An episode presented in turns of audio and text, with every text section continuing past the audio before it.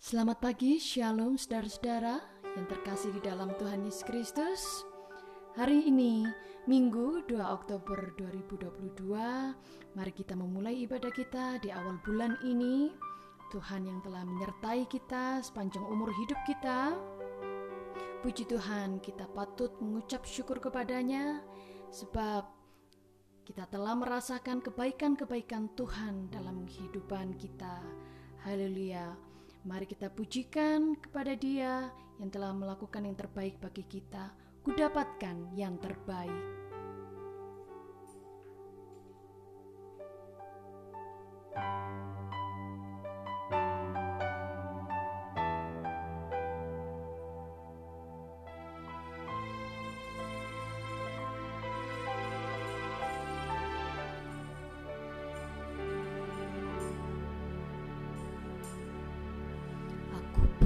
Percaya ku dapatkan yang terbaik.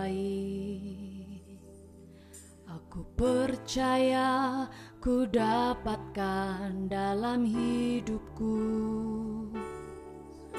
Aku percaya ku dapatkan yang terbaik. Terbaik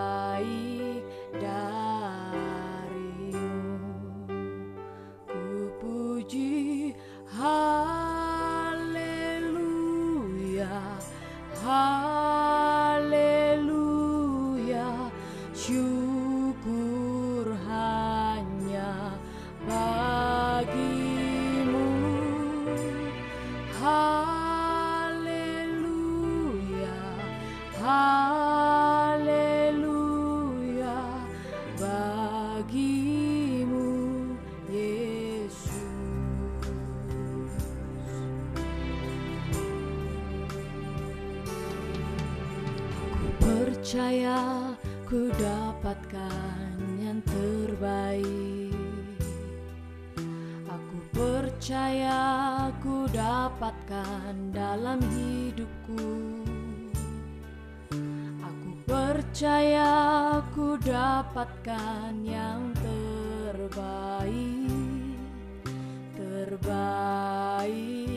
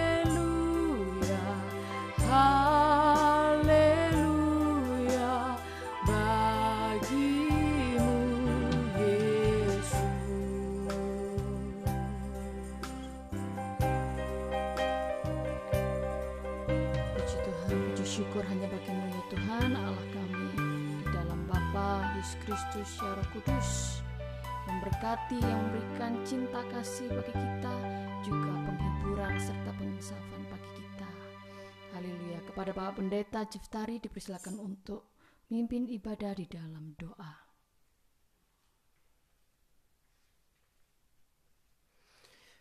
Mari jemaat Tuhan yang terkasih di hari ini, di awal bulan Oktober lagi kita masuk di dalam persekutuan dengan Tuhan kita Yesus Kristus. Dan biarlah melalui persekutuan ini kita menerima berkat-berkat dari Kristus Yesus Tuhan kita dalam hidup kita. Mari kita berdoa. Ya Bapa di surga, Allah di dalam Tuhan kami Yesus Kristus, Allah Roh Kudus, Allah Tritunggal yang terus-menerus memelihara kami dengan kuat kuasamu, kasihmu, berkatmu dalam kehidupan kami, setiap pribadi umatmu, terlebih dalam persekutuan sebagai orang-orang percaya di muka bumi bahwa Tuhan bekerja dengan kuasa roh kudusmu untuk mendatangkan kemuliaan bagi namamu. Dan hari ini kami umatmu beribadah kepadamu lagi di tempat ini di dalam jemaatmu. Dan bahkan saudara-saudara kami yang mengikuti ibadah ini melalui uh, podcast maupun YouTube Tuhan memberkati. Dan semua ini kami berdoa kemuliaan bagi nama Tuhan dan kasih Tuhan memenuhi kami. Maka berkat Tuhan dari surga atas ibadah kami hari ini dari awal pertengahan sampai pada kesudahannya di hari ini Tuhan memberkatinya. Dalam nama Tuhan Yesus Kristus kami berdoa memulai ibadah ini. Haleluya. Amin Pada mulanya firman dialah yang menciptakan langit dan bumi. Dengan kuasanya dan kita patut memuliakan Tuhan. Mari kita memuji menyembah Dia, Yesus Kristus Sang Penebus kita, Tuhan dan Raja kita. Langit bumi pujilah Tuhan.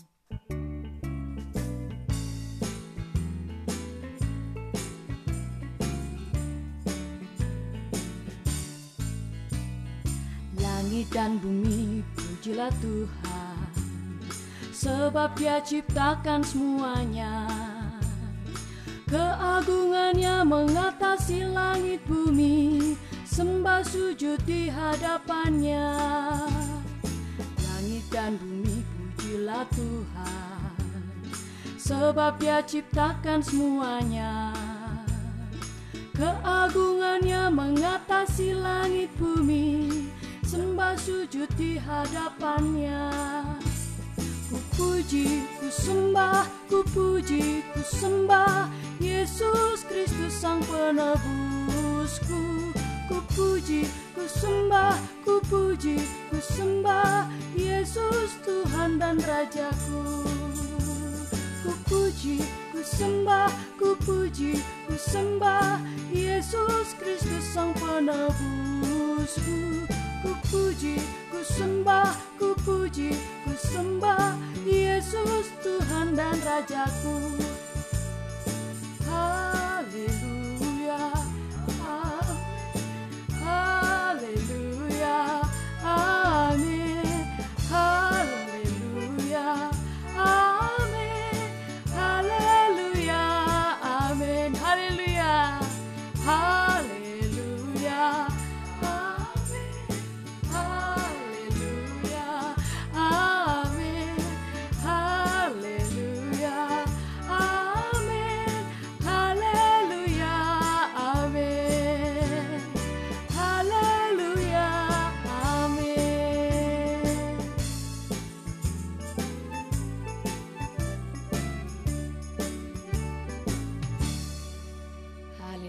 puji Tuhan.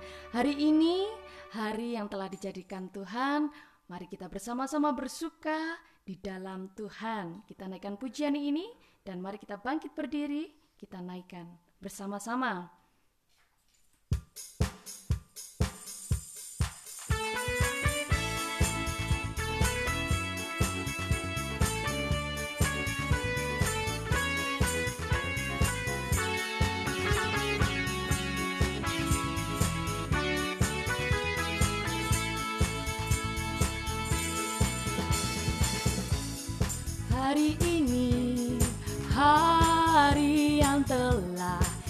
dijadikan Tuhan. Mari kita bersuka. Hari ini hari yang telah dijadikan Tuhan. Mari kita bersuka. Dalam Tuhan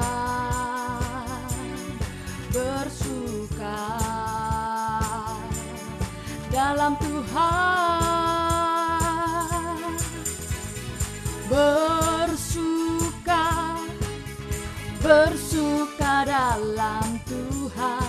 Mari bersuka bersuka citalah oh bersuka bersuka dalam Tuhan sekarang bersuka bersuka citalah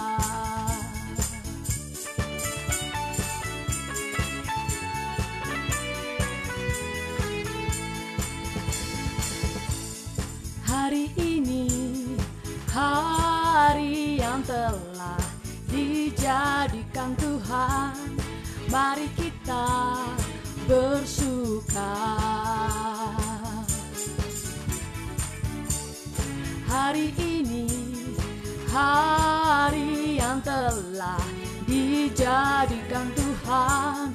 Mari kita bersuka dalam Tuhan. Bersuka dalam Tuhan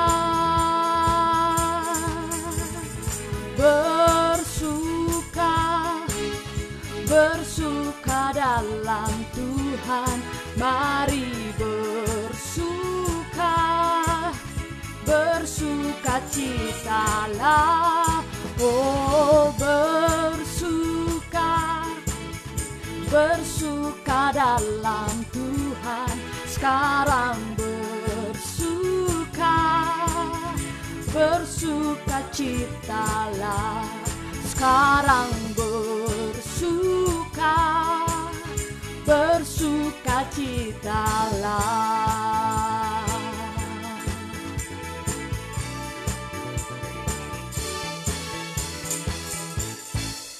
Puji Tuhan, saudara-saudara dipersilakan untuk duduk kembali. Tiba waktunya bagi saudara-saudara yang ingin memberikan kesaksian, dipersiapkan. Mari kita sambut kesaksian melalui pujian Bersyukurlah.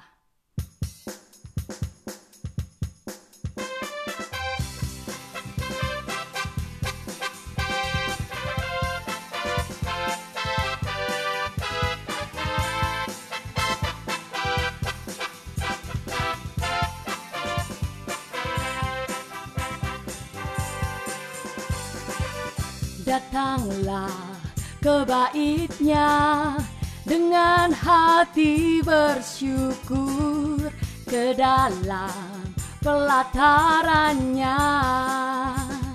Dengan hati bersuka rasakan dan lihatlah betapa baiknya Tuhan bagi yang berlindung padanya. Akan bersorak-sorai akan bersorak-sorai bersyukurlah kepada Tuhan. Sebab ia baik bahwasannya untuk selamanya. Kasih setianya. Bersyukurlah kepada Tuhan. Sebab ia baik bahwasannya untuk selamanya kasih setianya.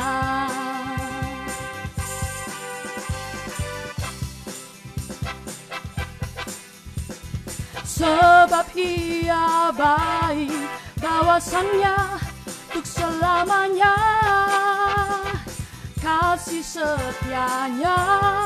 Bersyukurlah kepada Tuhan sebab ia baik bahwasannya untuk selamanya bahwasannya untuk selamanya bahwasannya untuk selamanya kasih setianya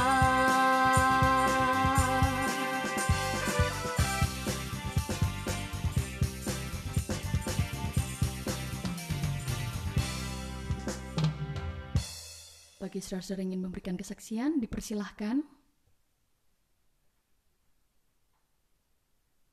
Ya, puji Tuhan, bahwa Tuhan itu sungguh baik bagi kita semua. Amin. Pastinya setiap kita Tuhan tolong proses lewat proses untuk naik level tujuannya untuk memuliakan Tuhan. Kita yang lemah dikuatkan, kita yang sakit disembuhkan, kita yang dulunya menganggur dapat pekerjaan, dan seterusnya yang kita cari adalah kehendak Tuhan. Di mana pun kita berada, ke mana pun kita pergi, kita harus menghadirkan Tuhan, memprioritaskan Tuhan dalam kehidupan kita. Amin. Kuasanya saja yang bekerja atas hidup kita, juga lingkungan sekitar kita. Haleluya. Mari bersama-sama saudara-saudara kita melanjutkan pembacaan kitab Yeremia pasal 40 ayat 1 hingga 16. Yeremia 40 ayat 1 hingga 16. Mari kita membacanya bersama-sama. Satu, dua, tiga. Yeremia tinggal pada Gedalia. Firman yang datang daripada Tuhan kepada Yeremia sesudah ia dilepaskan dari Rama oleh Nebuzaradan, kepala pasukan pengawal yang telah menyuruh untuk mengambilnya terbelenggu pada tangannya di tengah-tengah semua orang buangan dari Yerusalem dan Yehuda yang hendak diangkut ke dalam pembuangan ke Babel. Kepala pasukan pengawal itu telah mengambil Yeremia dan berkata kepadanya, Tuhan Allahmu telah mengancamkan malapetaka ini atas tempat ini, dan ia telah melaksanakannya. Tuhan telah melakukan apa yang diancamkannya, oleh karena kamu telah berdosa kepada Tuhan dan tidak mendengarkan suaranya, sehingga terjadilah hal ini kepada kamu. Maka sekarang, lihatlah aku melepaskan engkau hari ini dari belenggu yang ada pada tanganmu itu. Jika engkau suka untuk ikut pergi dengan aku ke Babel, marilah, aku akan memperhatikan engkau. Tetapi jika engkau tidak suka untuk ikut pergi dengan aku ke Babel, janganlah pergi. Lihat, seluruh negeri ini terbuka untuk engkau. Engkau boleh pergi ke mana saja engkau pandang baik dan benar engkau boleh kembali kepada Gedalia bin Ahikam bin Safan yang telah diangkat oleh Raja Babel atas kota-kota Yehuda dan tinggallah bersama-sama dia di tengah-tengah rakyat atau ke mana saja engkau pandang benar, pergilah ke situ. Lalu kepala pasukan pengawal itu memberikan kepadanya bekal makanan dan suatu hadiah, kemudian melepas dia pergi. Jadi pergilah Yeremia kepada Gedalia bin Ahikam di Mispa dan diam bersama-sama dengan dia di tengah-tengah rakyat yang masih tinggal di negeri itu. Masa Gedalia menjadi gubernur dan pembunuhannya. Ketika semua panglima tentara yang masih berada di luar kota dengan orang-orangnya mendengar bahwa Raja Babel telah mengangkat Gedalia bin Ahikam bin Safan atas negeri itu, dan bahwa kepadanya telah diserahkan pengawasan atas laki-laki, perempuan, dan anak-anak, yaitu dari orang-orang lemah di negeri itu yang tidak diangkut ke dalam pembuangan ke Babel, maka pergilah mereka kepada Gedalia di Mispa.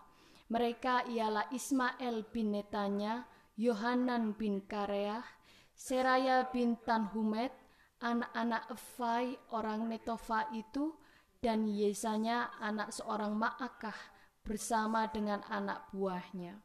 Lalu bersumpahlah Gedalia bin Ahikam bin Safan kepada mereka dengan anak buah mereka. Janganlah kamu takut untuk takluk kepada orang-orang Kasdim itu.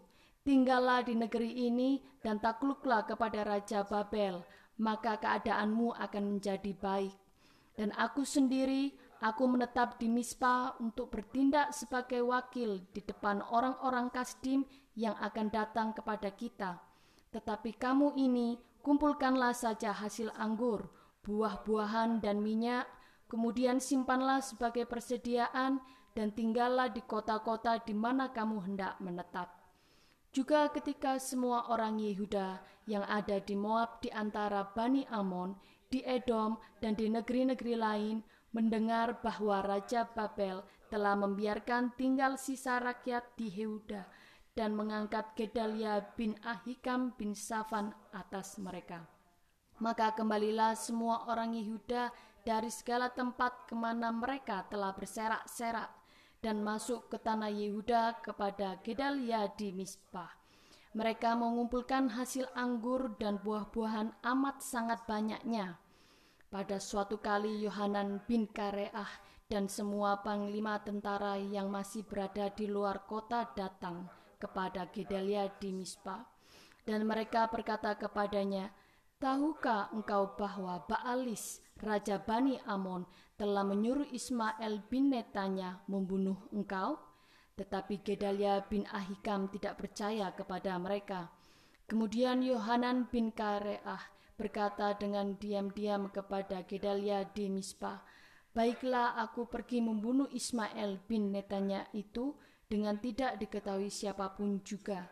Mengapa engkau harus dibunuhnya sehingga semua orang Yehuda yang telah berkumpul di sekelilingmu berserak-serak lagi dan sisa Yehuda itu binasa?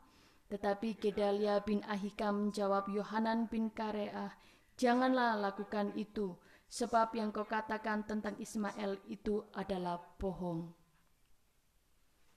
Demikian pembacaan kitab Yeremia pasal 40 Selanjutnya kita akan bersama-sama mendengarkan penyampaian firman Tuhan.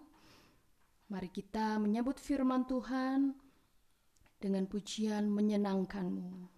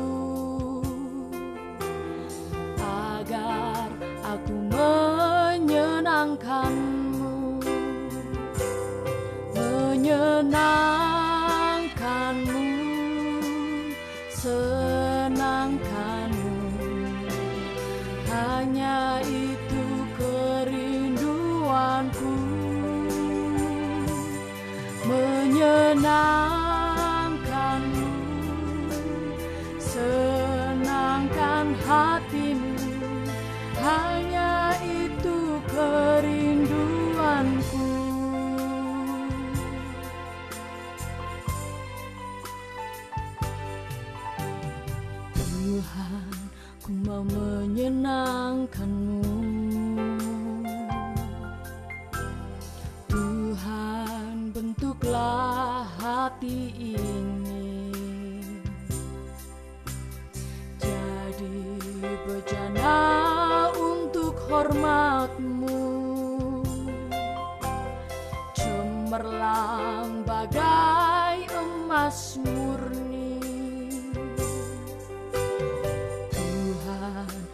serahkan hatiku. Semua ku berikan padamu.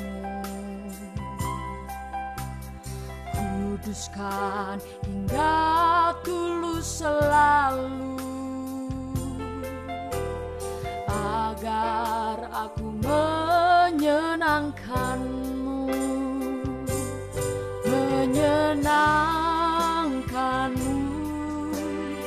senangkanmu.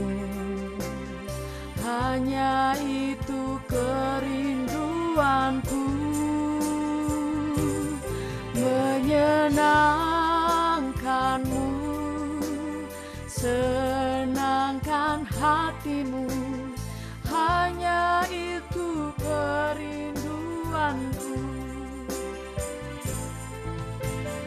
Hanya itu kerinduanku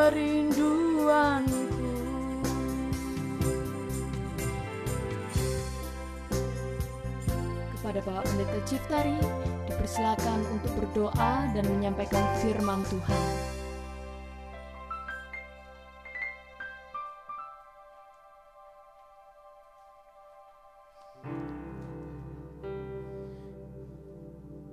Ya mari jemaat Tuhan yang terkasih. Hari ini kita dilawat Tuhan dengan firman-Nya dan kasih-Nya. Itulah sebabnya, biarkanlah kita menghadap hadirat-Nya, merendahkan hati, mempersembahkan tubuh jiwa roh kita seutuhnya untuk memuliakan Dia. Mari kita berdoa. Ya Tuhan Yesus, di kesempatan yang indah ini, di hari-hari yang kau telah kuduskan bagi umatmu untuk menghampiri engkau dan bersekutu dengan engkau. Engkau telah hadir, engkau datang dengan kasihmu dalam kemuliaanmu Kristus Yesus Tuhan. Di mana roh kudusmu mengerjakan pekerjaan kudusmu di tengah kami. Untuk memberikan kami sukacita, damai sejahtera, bahkan kekuatan baru itu mengalir memenuhi kami. Sehingga kami merasakan kasih Tuhan yang sungguh nyata menguasai hidup kami. Maka hari ini kami mau mendengarkan firman-Mu. Sebelumnya Bapa menjama segenap eksistensi keberadaan kami sehingga kami merasakan kekayaan Tuhan ini memenuhi seluruh hidup kami dan biar satu uh, apa yang Tuhan nyatakan di hari ini sebagai satu kebenaran sebagai sesuatu ketetapan untuk kami jalani dalam hari-hari hidup kami. Kami bersyukur, kami percaya hanya dalam kuasa nama Yesus Kristus kami menerima kuasa dalam firman-Mu ini. Haleluya. Amin.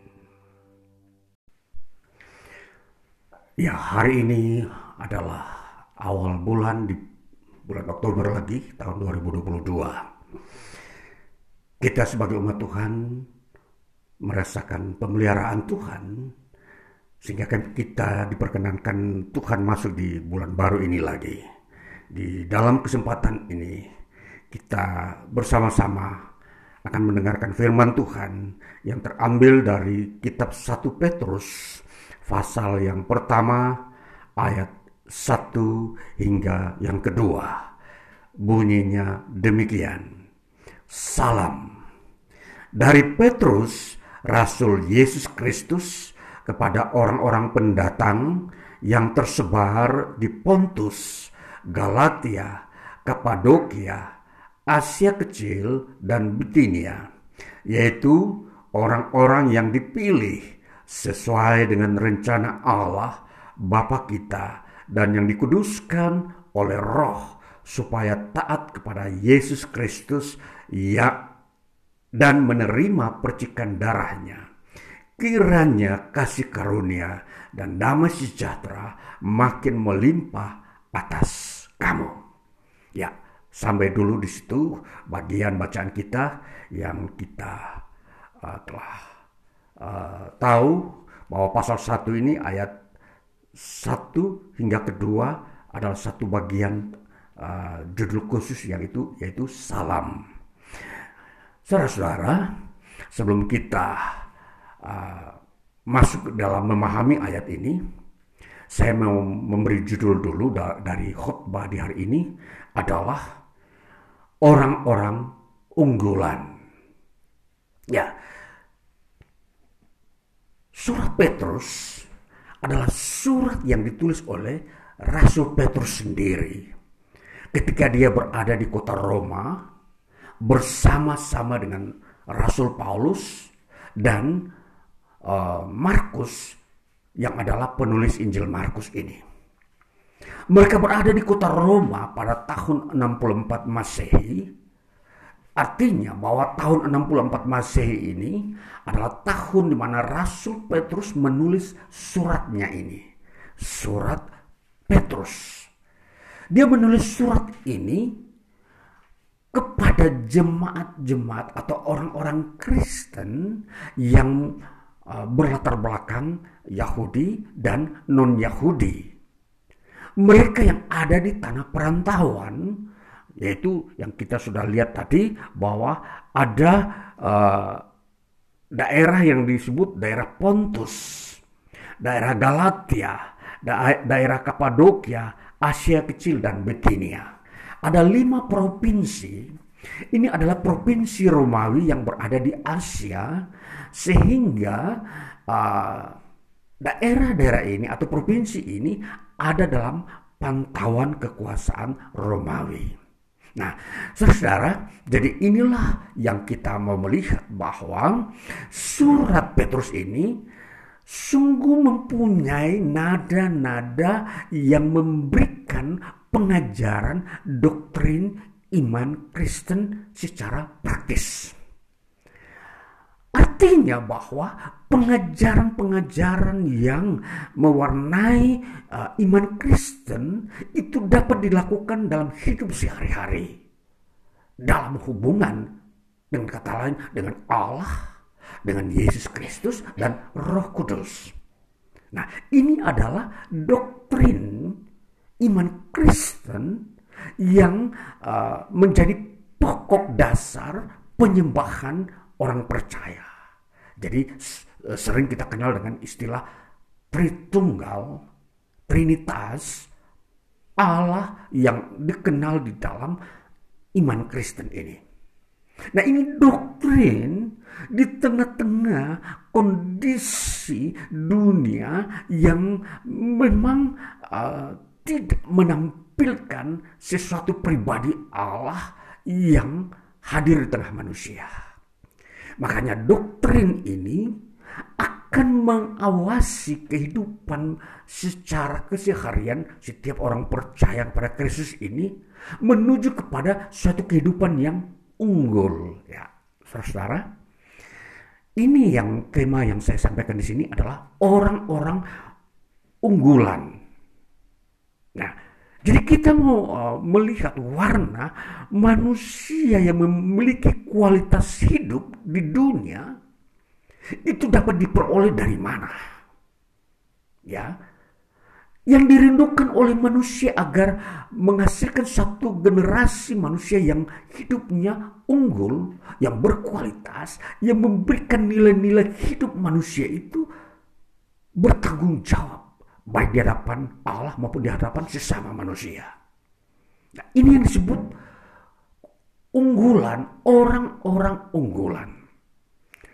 Jadi ini uh, sudah menjadi uh, pendahuluan bagi kita bahwa kerinduan Tuhan melalui para rasulnya bahwa apa yang dikerjakan oleh para rasul yang adalah utusan Tuhan adalah untuk mencari orang-orang yang akan menjadi manusia unggulan di tengah dunia ini. Nah, ini sebuah pekerjaan kasih. Sebuah pekerjaan yang disebut kasih yang mencari. Ya, ini bukan pekerjaan biasa. Ini bukan pekerjaan uh, bagian daripada kebudayaan. Tapi ini sebuah pekerjaan misi ilahi yang memang di dalamnya hanya dengan kuasa Allah di dalam Kristus Yesus itu akan bisa menghasilkan manusia unggulan. Setiap orang bahkan mungkin saja sampai kepada setiap keluarga bangsa pada era-era saat ini ingin memimpikan suatu keberadaan masyarakat yang di dalamnya terisi atau dipenuhi dengan orang-orang yang unggulan. Ya. Sungguh kita bangga kalau kita bisa menemukan uh, masyarakat yang di dalamnya, di dalam lingkungan tempat tinggal mereka dipenuhi dengan manusia-manusia unggulan yang mempunyai tanggung jawab, tanggung jawab terhadap bangsanya yang mempunyai uh, loyalitas terhadap lingkungannya. Semua yang yang disebut unggulan ini ini sedang diimpikan oleh generasi manusia agar manusia itu bisa mencapai titik kemajuannya. Nah, ini uh, deskripsi daripada apa yang Rasul Paulus tuliskan ini.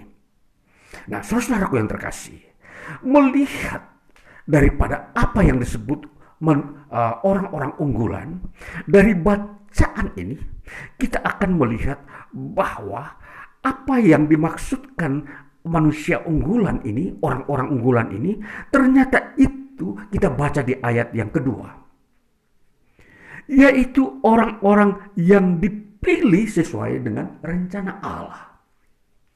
Saudara, orang-orang yang dipilih ini, kalau kita membaca teks Yunaninya, makanya kita akan bertemu dengan sebuah kata yang disebut eklektos Eklektos ini mempunyai uh, dua terjemahan. Ya, yang satu adalah orang-orang yang dipilih, yang satu adalah orang-orang unggulan. Nah, memang tentunya uh, dua dua makna ini tentunya uh, berdekatan ya. Orang-orang dipilih dan orang-orang unggulan itu sebenarnya uh, tidak jauh berbeda. Namun kalau kita telusuri dari segi operasional, orang-orang dipilih dan orang-orang unggulan, ini tentunya kita akan mengerti bahwa orang-orang unggulan adalah orang-orang yang memang terlihat berkualitas. Itu yang ditampilkan unggulan itu berkualitas. Sedangkan orang yang dipilih tentunya tidak uh, menampilkan warna unggulan tadi tentunya dipilih ya tetapi kalau kita melihat lagi di dalam uh, makna yang tersembunyi di balik kata unggulan tentunya kita sudah uh, terasosiasikan dengan makna bahwa itu pasti berkualitas. Saudara, ini yang kita mau lihat bahwa Allah memilih, merencanakan dan bahkan merancangkan suatu kehidupan manusia yang memang akan nanti tercetus yang disebut manusia unggulan. Orang-orang unggulan, orang-orang yang uh, cemerlang dalam hidup sebagai manusia di dunia ini. Ini kalau kita memperhatikan apa yang direncanakan Allah. Jadi ini bukan sekedar uh, impian-impian manusia, tapi sebuah rencana Allah. Kehendak Allah, Allah mengendaki mem membarui manusia dan membuat manusia ini menjadi manusia unggulan, orang-orang unggulan. Nanti kita akan melihat apa itu orang-orang unggulan menurut rencana Allah ini. Hmm. Saudara, baik baru kalau kita mau melihat kata ini, kata eklektos ini adalah orang-orang unggulan yang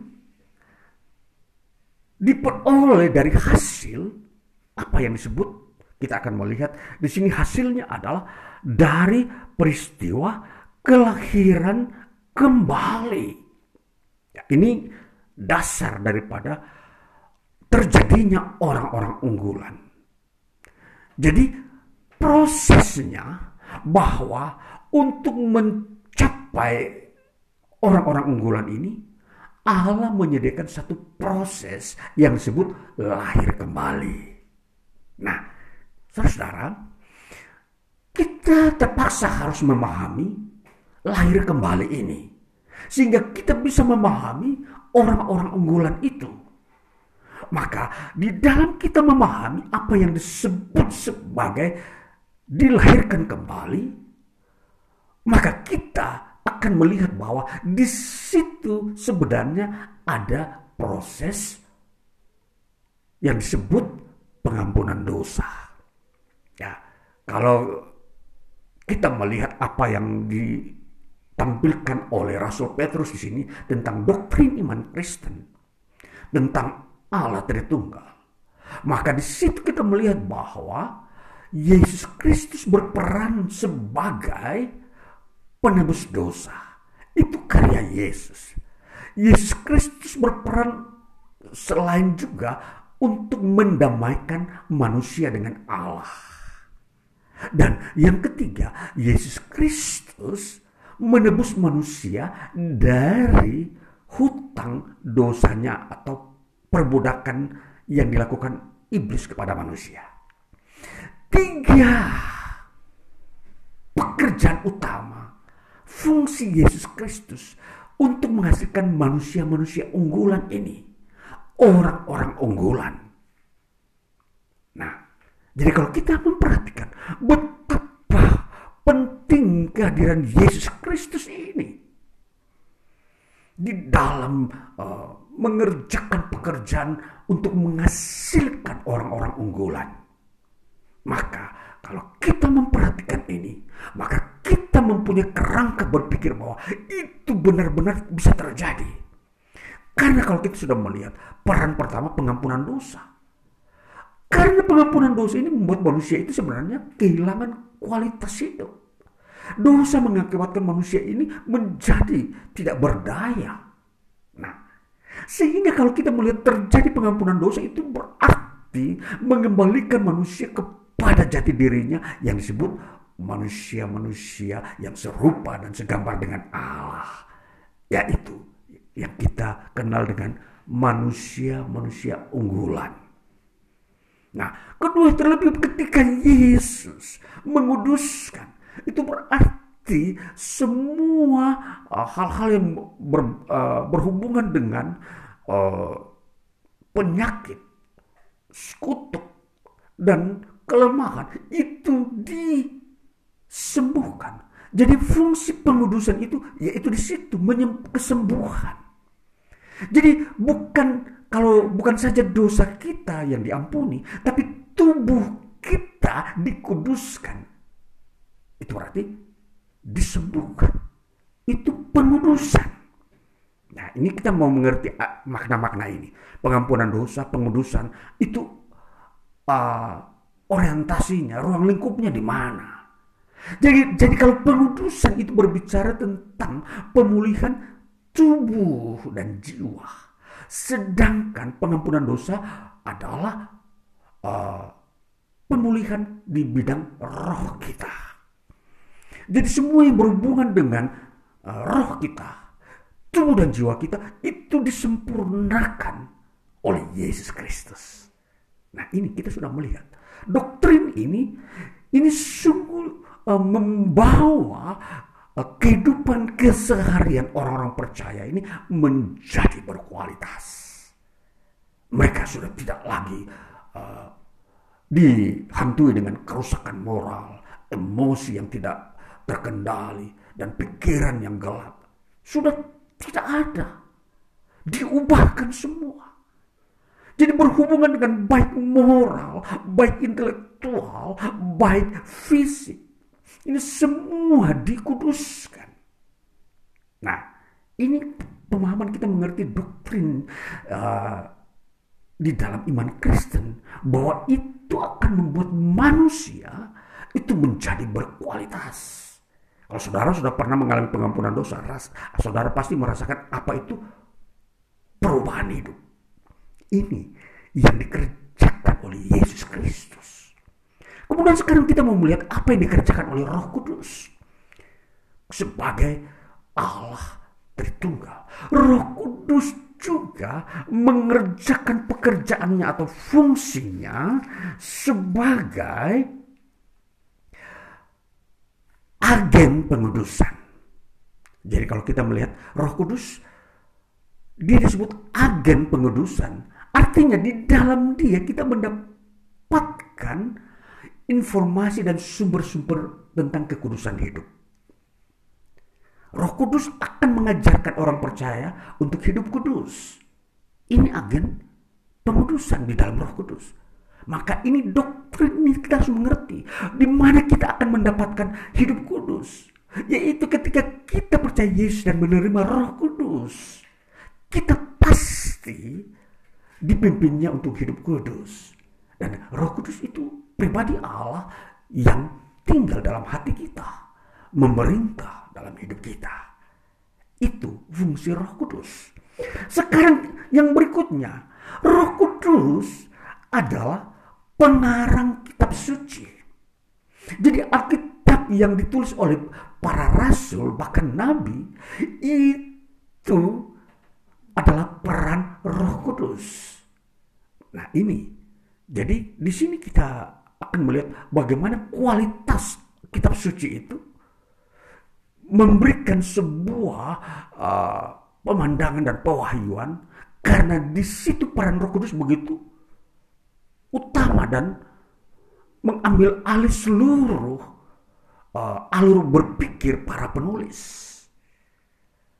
Sehingga di sini kita membaca Alkitab itu bukan kita membaca pikiran manusia, tapi itu di situ adalah pikiran Allah melalui Roh Kudus. Saudara, ini kita mengerti Roh Kudus di dalam peranannya. Kemudian peranan yang ketiga yaitu pribadi yang uh, pribadi yang memampukan para pemberita Injil termasuk rasul untuk memberitakan Injil. Ini yang ketiga, peran Roh Kudus. Maka di sinilah kita mau memperhatikan kalau kita bersekutu dengan Allah, maka Allah yang menyatakan diri dalam uh, bentuk sebagai Allah Tritunggal lewat Yesus Kristus dan Roh Kudus yang merupakan kesatuan kealahan ini itu akan membawa kita masuk ke dalam dimensi yang dia kehendaki. Jadi dimensi yang Allah kehendaki ialah ini. Pengudusan, uh, pengampunan dosa, kelepasan dari perbudakan iblis. Lalu kemudian kita mendapatkan sumber-sumber pengetahuan tentang pengudusan. Kita mendapatkan uh, hikmat untuk mengerti tentang kitab suci. Kita mendapatkan juga kekuatan kemampuan untuk memberitakan kitab suci itu.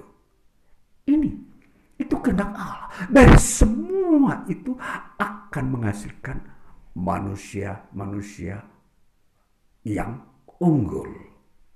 Ini kita sudah akan mulai diarahkan untuk mengerti masa-masa kehidupan manusia di dunia ini.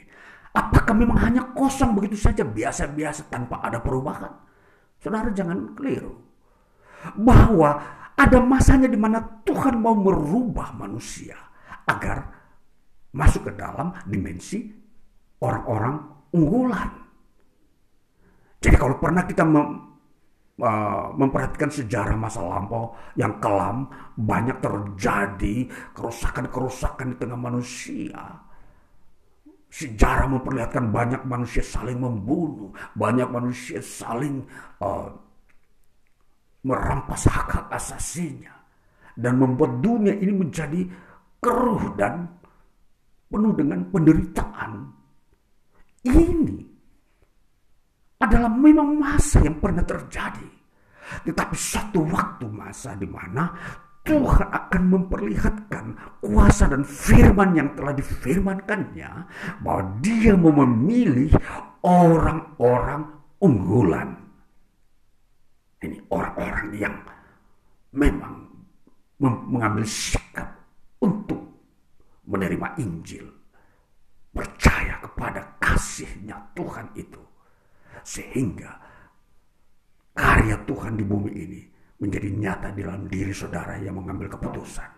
Maka saudara masuk dalam dimensi orang-orang unggulan di mana Allah memelihara saudara-saudara di dunia ini dan merubah kondisi moral manusia yang terburuk menjadi terbaik. Ini sebuah doktrin yang Rasul Paulus tekankan, sampaikan kepada orang-orang Kristen yang merantau di lima provinsi kekuasaan Romawi tadi. Tentunya provinsi ini berada di Asia. Saudara, kalau kita memperhatikan lima provinsi ini, yang disebut katakan tadi, Pontus, Galatia, Kapadokia, Asia Kecil, dan Betinia, ini adalah provinsi-provinsi yang sekarang telah terbentuk menjadi sebuah negara yang disebut negara Turki. Jadi uh, wilayah ini uh, telah uh, telah uh, apa namanya dibaurkan atau disatukan menjadi sebuah negara yang uh, sekarang kita kenal dengan negara Turki. Nah, saudara-saudaraku yang terkasih, jadi kalau kita memperhatikan bahwa apa yang dirindukan oleh Tuhan melalui para rasulnya tentang manusia-manusia unggulan ini, maka kita akan melihat bahwa orang-orang yang dipilih ini bukan saja untuk uh, mengisi kehidupan sejarah manusia di bumi ini. Tetapi ini mempunyai makna kekekalan. Jadi apa yang Allah kerjakan dalam Yesus Kristus mempunyai dua dimensi makna sekaligus. Jadi berfungsi di dunia ini, memperbarui kondisi kehidupan manusia di dunia ini. Sekaligus terpakai untuk masa kekekalan, yaitu hidup yang kekal. Nah ini yang kita harus perhatikan bahwa uh, apa yang Allah kerjakan bukan hanya untuk mengisi sejarah hidup manusia. Tapi justru lebih daripada itu Allah bekerja untuk mengisi sejarahnya Allah. Di mana kerajaan Allah akan tampil di era kemudian setelah sejarah manusia di bumi ini ditiadakan. Nah, jadi di dalam sebuah nubuatan kitab suci Alkitab, sejarah manusia yang ada di permukaan bumi ini yang menguasai uh, berabad-abad ini, ini suatu waktu akan sirna dan hilang dan bahkan menjadi nol kosong dan diganti dengan sejarahnya Allah di mana Kristus Yesus memerintah mengambil sejarah baru yang diisi oleh orang-orang unggulan. Jadi nanti terwujud sejarah baru yang disebut sejarah kekekalan di mana diisi oleh manusia yang telah dipersiapkan Allah sebagai orang-orang yang akan terlibat di dalam sejarah Allah ini. Makanya kerajaan Allah sudah dipersiapkan sejak Yesus Kristus datang ke dalam dunia. Itu sudah dipersiapkan 2000 tahun yang lalu. Jadi ketika akan tampil pada masa yang akan datang, maka itu merupakan sebuah penggenapan. Maka sejarah kerajaan Allah itu akan tampil di mata manusia ketika Yesus Kristus datang kedua kali. Jadi kondisi saat ini bahwa orang-orang pilihan ini harus mengerti, orang-orang unggulan ini harus mengerti dan harus uh, tabah menanti masa sejarah kerajaan Allah itu tiba. Jadi semua yang dikerjakan Allah di dalam dunia ini melalui iman Kristen di dalam di mana manusia percaya pada Yesus Kristus ini adalah sebuah masa proses penantian munculnya sejarah kerajaan Allah itu maka membutuhkan ketahanan kesetiaan di dalam uh, kondisi dunia yang belum uh, memberikan keleluasan bagi orang-orang pilihan ini. Jadi orang-orang unggulan ini tentunya ada di dunia ini. Mereka itu ada di tengah-tengah persekutuan orang-orang yang percaya kepada Kristus Yesus. Mereka inilah orang-orang yang berkarya, yang berdoa, yang selalu mempunyai iman dan harap akan pembaruan di dunia ini untuk semakin banyak orang yang diselamatkan. Inilah orang-orang unggulan. Kerinduan orang-orang unggulan ini. Doanya selalu dinaikkan kepada Tuhan. Tuhan karuniakanlah kuasamu untuk memperbarui umat manusia. Saudara-saudaraku, uh, sahabat-sahabatku yang ada di dunia ini. Ini sebuah uh, potensi yang ada dalam diri orang-orang unggulan ini, yaitu mereka berkarya bagi kerajaan Allah. Jadi orang pilihan ini mereka bukan duduk-duduk saja. Mereka setelah percaya kepada Kristus, mereka tidak hanya uh, tinggal di satu ruangan yang di situ hanya mungkin makan, tidur, duduk, lalu kemudian tidak mempunyai sebuah visi dan misi. Tidak. Mereka mempunyai beban di mana merindukan agar semakin banyak orang mengambil bagian di dalam kehidupan kebersamaan mereka. Ini potensi di dalam diri orang-orang pilihan, orang-orang unggulan. Selain itu kita mau memperhatikan. Di dalam orang-orang unggulan kita akan melihat bahwa di dalam orang unggulan ini ada tiga frase yang uh, di uh, tambatkan atau dilekatkan kepada pribadi mereka. Pertama kita melihat orang-orang unggulan ini, mereka itu disebut orang-orang yang berharga di mata Allah. Jadi orang-orang ini menurut Allah, orang-orang ini harus dipelihara oleh Allah di bumi. Karena mereka bagaikan biji mata Allah, sangat berharga. Jadi saudara yang percaya kepada Kristus, Saudara tahu sadarkan diri saudara bahwa saudara berharga di mata Allah. Maka Allah akan memelihara saudara dalam kondisi apa pun di dunia ini. Itu frase yang pertama. Bahwa orang-orang yang percaya kepada Kristus adalah orang-orang yang berharga di mata Allah. Ya. Yang kedua, kita melihat bahwa orang-orang unggulan ini adalah orang-orang yang menerima warisan kerajaan Allah. Jadi kalau kita mau memperhatikan kerajaan Allah itu dibangun oleh Allah melalui kedatangan Yesus Kristus. Dan di sini tentunya uh, kerajaan Allah ini atau uh, pemerintahan Allah yang melalui Yesus Kristus ini itu harus diisi oleh orang-orang unggulan. Maka ini yang disebut warisan. Jadi orang-orang unggulan ini adalah orang-orang yang uh, sudah ditetap, tetap, ditetapkan oleh Allah untuk menerima warisan kerajaan Allah. Masuk di dalam kerajaan Allah itu.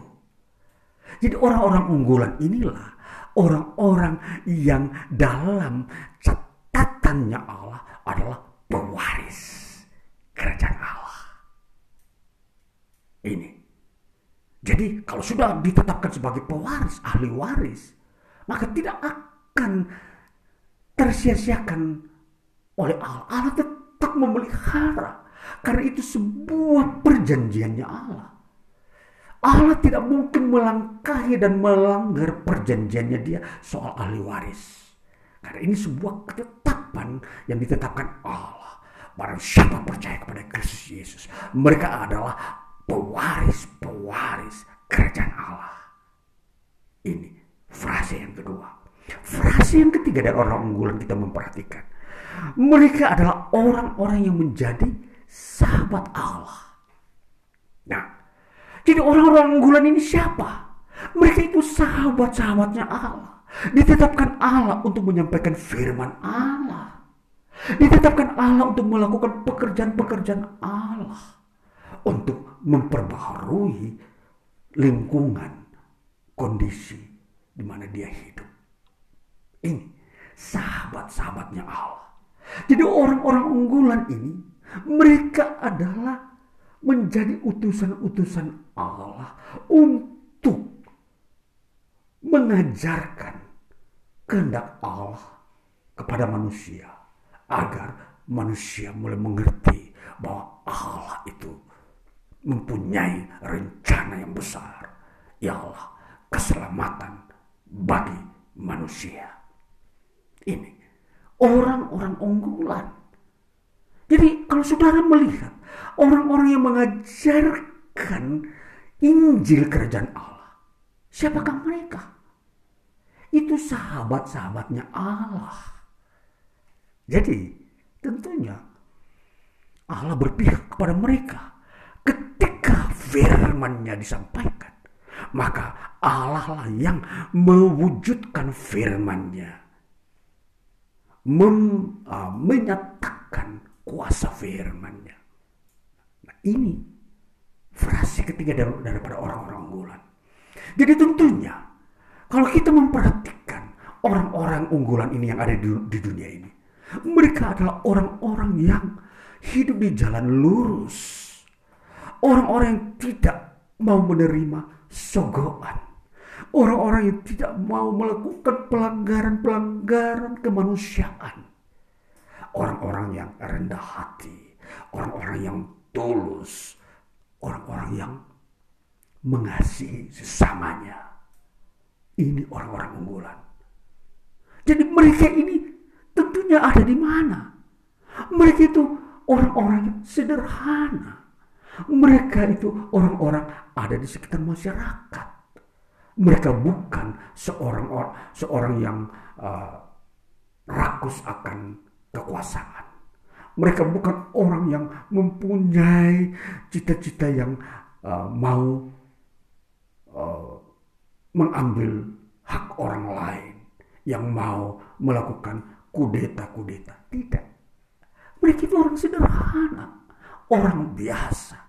Namun mereka jujur, mereka penuh hormat bijaksana. Mereka menghormati semua orang, menghormati lembaga pemerintahan, menghormati sesamanya, mengasihi sesamanya. Mereka tidak mau melakukan hal-hal yang merusak kehidupan manusia. Bahkan lingkungan pun mereka tidak akan mau rusakkan. Ini orang-orang unggulan. Perhatikan. Jadi kita harus manusia semakin harus memperhatikan nilai-nilai ini. Kita harus mem selalu memperbarui di, diri kita, cara pandang kita. Kalau kita belum memiliki nilai-nilai yang uh, sederhana ini, nilai-nilai yang mulia ini, carilah itu. Jangan kita uh, membiarkan hidup kita manusia ini tanpa ada nilai-nilai. Harus carilah nilai-nilai yang mulia ini yang ada di dalam pribadi orang-orang unggulan. Jadi mereka itu orang-orang yang tekun mencari Tuhan atau tekun meminta kasih Tuhan memenuhi hidup mereka. Ya, jadi ini orang-orang unggulan yang dipersiapkan masuk di dalam masa kerajaan Allah. Jadi ini saudara-saudaraku yang terkasih, uh, di dalam kita memperhatikan orang-orang unggulan ini, mereka tentunya kalau kita lihat secara global, mental mereka adalah mental yang rajin. Moral mereka adalah moral disiplin. Jadi ini orang-orang unggulan. Mental dan moral mereka sangat-sangat terpuji. Jadi, kalau orang-orang unggulan ini tidak perlu dipertanyakan soal kerja mereka. Mereka adalah orang-orang yang berinisiatif, rajin. Mereka bukan orang pemalas. Mereka bukan orang yang mau menerima upah tanpa bekerja. Bukan, itu bukan orang-orang unggulan. Bahkan orang unggulan dikatakan mereka ini menjadi orang yang berkorban. Mereka mengerjakan walaupun mereka tidak dibayar, mereka tidak menuntut. Ini orang-orang unggulan, mereka berkarya tanpa pamrih. Mereka tanpa memperhitungkan bagaimana masa depan mereka, hidup mereka yang mereka akan uh, jalani di besok hari. Yang penting demi kemajuan manusia, mereka mengejar itu. Demi keselamatan manusia, mereka mengerjakannya.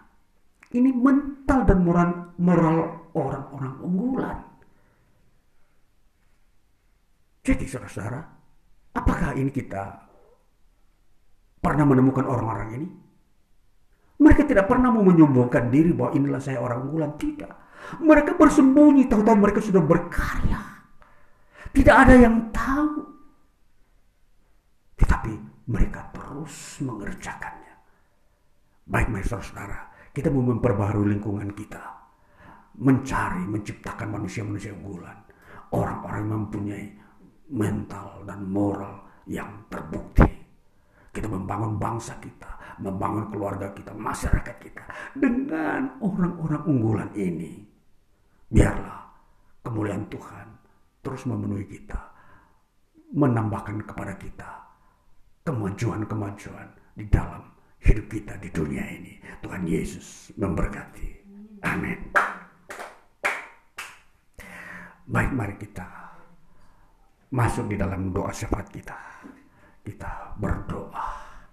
Kami bersyukur Bapa karena Engkau Tuhan yang telah berfirman kepada kami dan kepada seluruh orang yang mau mendengarkan firman-Mu. Bahwa Tuhan mempunyai rencana besar yaitu menciptakan orang-orang unggulan untuk masuk ke dalam kehidupan masa kekekalan. Orang-orang yang sungguh hanya berharap berdoa dan melaksanakan pekerjaan-pekerjaan mulia. Mereka orang bermoral uh, disiplin dan mental yang rajin. Mereka orang-orang yang penuh rendah hati. Mereka orang-orang yang mengerjakan pekerjaan yang besar tanpa harus mencari keuntungan dan mencari popularitas. Tuhan inilah orang-orang yang sedang engkau rindukan untuk dapatkan. Itulah sebabnya Injil harus diberitakan untuk menghasilkan orang-orang unggulan ini. Itulah sebabnya kami telah tetap terus berdoa bahwa di masa-masa hidup kami ke depan, kami tetap terus berdoa untuk orang-orang yang ada di sekitar kami supaya terjadi pemulihan, pertobatan, meninggalkan cara-cara hidup yang tidak baik dan tidak benar, yang tidak sesuai dengan firman-Mu. Dan sebabnya kami tunduk kepada Dikau Tuhan, karena di sinilah Engkau berkarya memerintah kami. Maka biarkanlah firman-Mu lagi dimeteraikan dalam hati kami. Biarkanlah firman-Mu ini lagi selalu berbicara dalam sepanjang hari hidup kami untuk memimpin kami bekerja hidup di dunia ini. Maka segala sesuatu yang ada di dalam pikiran kami hati kami bahkan yang kami lihat dengan mata kami kami mau simpulkan itu di dalam sebuah anugerah Tuhan. Bahwa Tuhan engkau hadir dan tampil dan bekerja membawa seluruh kebaikan-kebaikan Tuhan di tengah kehidupan kami di dunia ini. Kami berdoa untuk kondisi kami lingkungan saat-saat ini. Kiranya Tuhan campur tangan di tengah bangsa kami, di tengah uh, lingkungan mana kami tinggal yang paling ter, paling dekat di tengah kami, kota kami. Uh, biarlah Tuhan sendiri uh, ikut menyatakan kasih Tuhan. Firman-Mu diberitakan untuk memperbaharui pikiran bahkan hati nurani orang-orang yang masih jauh daripada kebenaranmu maka kami berdoa supaya masa di mana Tuhan mengerjakan kehendakmu itu menandakan tanda lawatan dan pembaruan Tuhan bagi bangsa kami. Kami berdoa untuk umatmu, jemaatmu di mana pun mereka berada, yang ada di kota kami maupun di tengah bangsa kami. Berkati dan jadikan alat-alat agen Tuhan di dalam hidup sebagai orang-orang yang bertanggung jawab, yang bermoral uh, baik dan mental yang baik. Semua ini akan melatih uh, diri kami sebagai manusia yang bertanggung jawab terhadap Tuhan dan sesama. Berkati setiap individu umatmu yang akan masuk dalam dunia kerja, di mana mereka bekerja,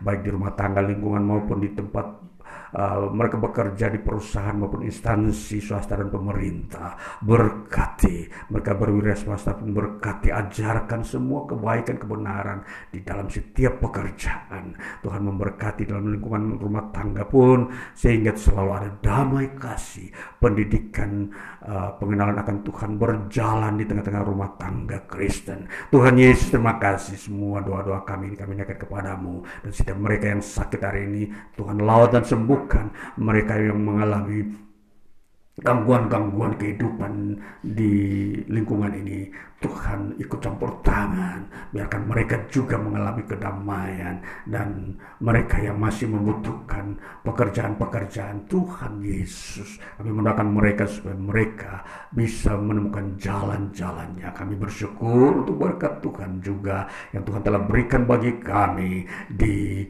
uh, masa-masa lampau dan memasuki bulan baru ini. Sungguh ajaib mulia Tuhan. Dan itulah sebabnya kami bersyukur. Biarkan firman ini memberkati kami. Di hari ini kami akan melakukan perjamuan kudus mengawali. Semua ini Tuhan memberkati. Berfirmanlah ya Tuhan. Dalam nama Tuhan Yesus kami berdoa bersyukur. Haleluya. Amin. Firman Tuhan di dalam melandasi kita melakukan perjamuan kudus hari ini. Dalam 1 Korintus pasalnya yang ke-11 ayat 23 mulai Sebab apa yang telah kuteruskan kepadamu telah aku terima dari Tuhan, yaitu bahwa Tuhan Yesus pada malam waktu ia diserahkan mengambil roti. Mari kita mengambil roti ini.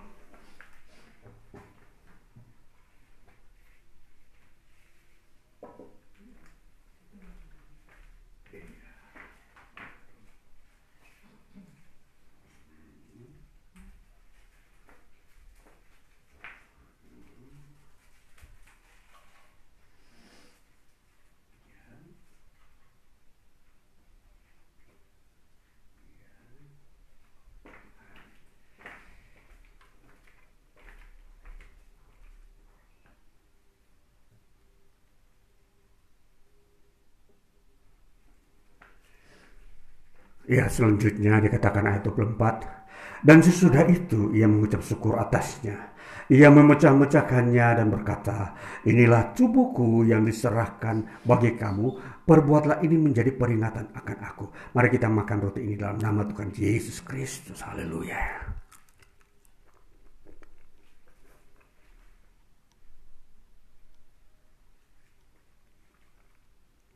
Selanjutnya Demikian juga ia mengambil cawan sesudah makan. Lalu berkata cawan ini adalah perjanjian baru yang dimeteraikan oleh darahku. Perbuatlah ini setiap, setiap kali kamu meminumnya menjadi peringatan akan aku. Mari kita minum dalam nama Tuhan Yesus Kristus. Haleluya.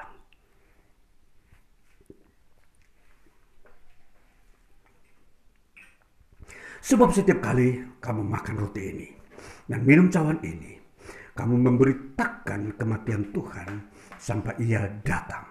Puji Tuhan, perjamuan ini sebagai sebuah, ikatan kita dengan Tuhan di mana kita memperingati kematian Tuhan sampai ia datang kembali dan kitalah uh, hamba-hambanya, umatnya yang memuliakan Tuhan. Haleluya. Kita masuk dalam doa yang berikutnya. Kami bersyukur Bapa karena perjamuan kudus ini mengajarkan kami, menetapkan kami sebagai orang-orang unggulan yang memuliakan Tuhan, yang memperingati kematian Tuhan sampai Tuhan datang kembali. Karena kematianmu adalah mengampuni dosa kami dan melepaskan kami dari perbudakan-perbudakan iblis. Kami bersyukur bersuka cita kemenangan di dalam dikau Tuhan Yesus bagi hidup kami. Maka biarkanlah mereka umatmu dan kami yang melakukan ini merasakan kasih Tuhan yang besar. Kuasa Tuhan yang melindungi menaungi kita semua siang dan malam. Menuju kepada suatu kehidupan yang Tuhan telah tetapkan. Yaitu kehidupan yang kekal. Segala Segala puji hormat kemuliaan bagi namamu Tuhan Yesus Kristus. Maka kami berdoa mengakhiri seluruh ibadah kami ini sesuai dengan apa yang Tuhan ajarkan kepada kami. Bapa kami yang di surga, dikuduskanlah namamu, datanglah kerajaanmu, jadilah kehendakmu di bumi seperti di surga. Berikanlah kami pada hari ini makanan kami yang secukupnya, dan ampunilah kami akan kesalahan kami seperti kami juga mengampuni orang yang bersalah kepada kami. Dan janganlah membawa kami ke dalam pencobaan tetapi lepaskanlah kami daripada yang jahat. Karena engkau yang punya kerajaan kuasa dan kemuliaan sampai selama-lamanya Terima kasih Yesus. Terima kasih Yesus. Puji syukur hanya bagimu Ya Allahku Ya Tuhanku Terima kasih Yesus. Terima kasih Yesus. Puji syukur hanya bagimu. Terima kasih Yesus. Bapak terima kasih untuk kasih firmanmu dan berkatmu bagi kami umatmu. Dalam nama Tuhan Yesus Kristus kami berdoa. Haleluya. Amin. Puji Tuhan